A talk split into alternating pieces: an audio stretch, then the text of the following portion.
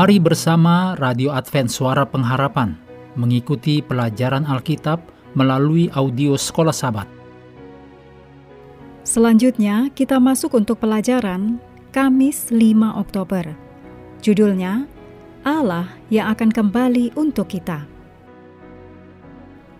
Mari kita mulai dengan doa singkat yang didasarkan dari 2 Petrus 1 ayat 10.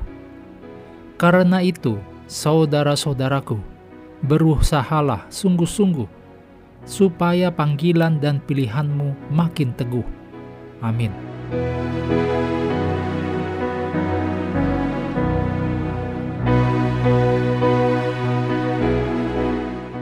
Dalam Yohanes 14 ayat 1 sampai 3, ayat ini berhubungan dengan pekabaran akhir zaman dalam kitab suci.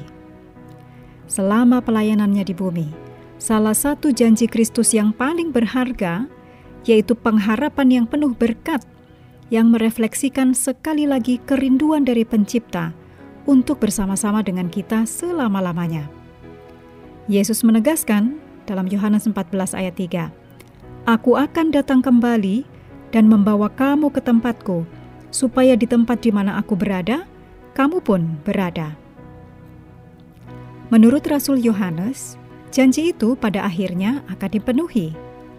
Wahyu 21 ayat 3. Lalu aku mendengar suara yang nyaring dari tahta itu berkata, Lihatlah, kemah Allah ada di tengah-tengah manusia dan ia akan diam bersama-sama dengan mereka.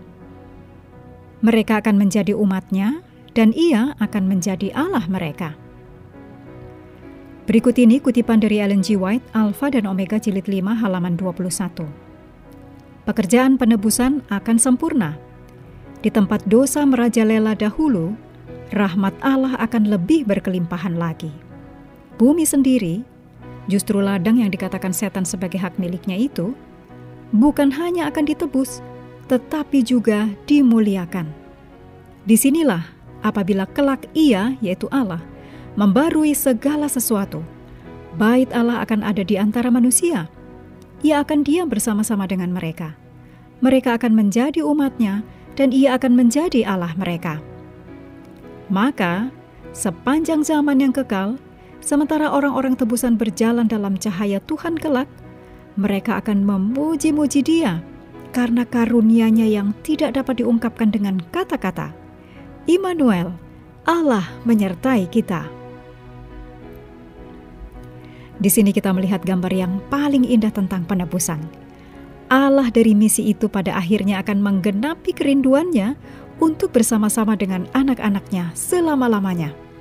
Sungguh suatu kesempatan istimewa untuk menjadi bagian dari kenyataan ini.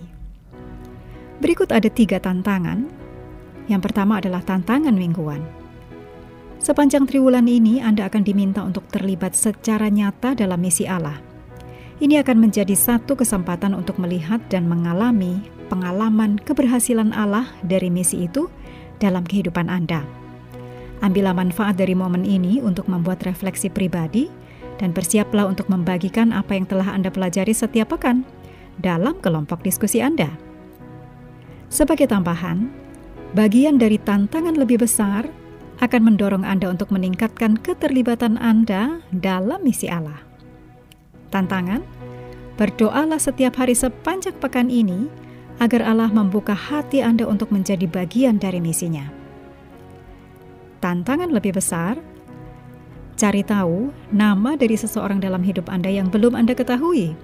Misalnya, seorang tetangga, teman kerja, penjaga toko, pengemudi bis, petugas kebersihan, dan sebagainya.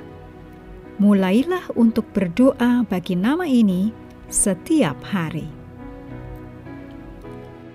Mengakhiri pelajaran hari ini, mari kembali ke ayat hafalan dalam Kejadian 3 ayat 9. Tetapi Tuhan Allah memanggil manusia itu dan berfirman kepadanya, "Di manakah engkau?" Kami terus mendorong Anda mengambil waktu bersekutu dengan Tuhan setiap hari, baik melalui renungan harian, pelajaran sekolah sahabat, juga bacaan Alkitab sedunia, percayalah kepada nabi-nabinya, yang untuk hari ini melanjutkan dari Amsal pasal 2. Tuhan memberkati kita semua.